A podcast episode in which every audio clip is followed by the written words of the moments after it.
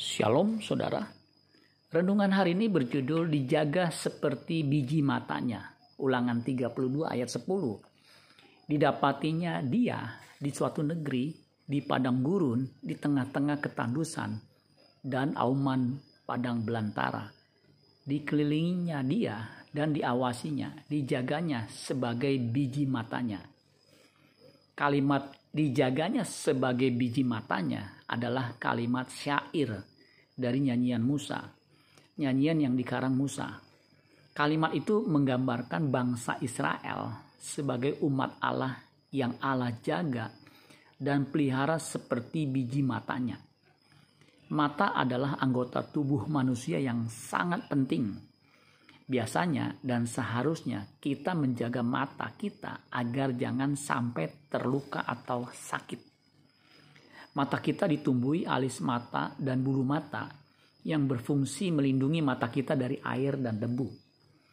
Di kelopak mata ada selaput yang bisa bergerak sangat cepat, berkedip jika ada angin atau debu halus.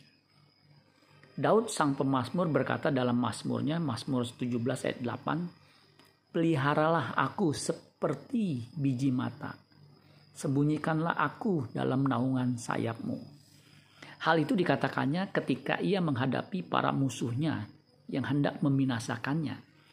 Ia minta perlindungan Allah yang disembahnya. Umat jika umat PL perjanjian lama yaitu bangsa Israel dijaganya seperti biji matanya karena mereka mengemban tugas penyelamatan bagi bangsa-bangsa. Yohanes 4 ayat 22, kamu menyembah apa yang tidak kamu kenal kami menyembah apa yang kami kenal. Sebab keselamatan datang dari bangsa Yahudi. Demikian juga dengan umat PB, umat perjanjian baru, mengemban tugas penyelamatan. 2 Korintus 5 ayat 19 sampai 20 sebab Allah mendamaikan dunia dengan dirinya oleh Kristus dengan tidak memperhitungkan pelanggaran mereka. Ia telah mempercayakan berita pendamaian itu kepada kami jadi kami ini adalah utusan-utusan Kristus. Akan-akan Allah menasehati kamu dengan perantaran kami.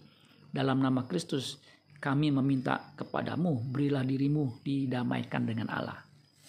Orang percaya adalah saksi Kristus yang mengemban tugas penting untuk memperkenalkan bagaimana Allah begitu mengasihi dunia ini dan ia tidak ingin seorang pun binasa, melainkan beroleh hidup yang kekal.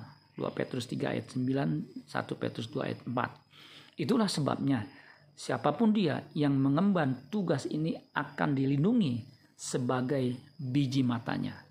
Amin buat firman Tuhan. Tuhan Yesus memberkati. Sholat Gracia.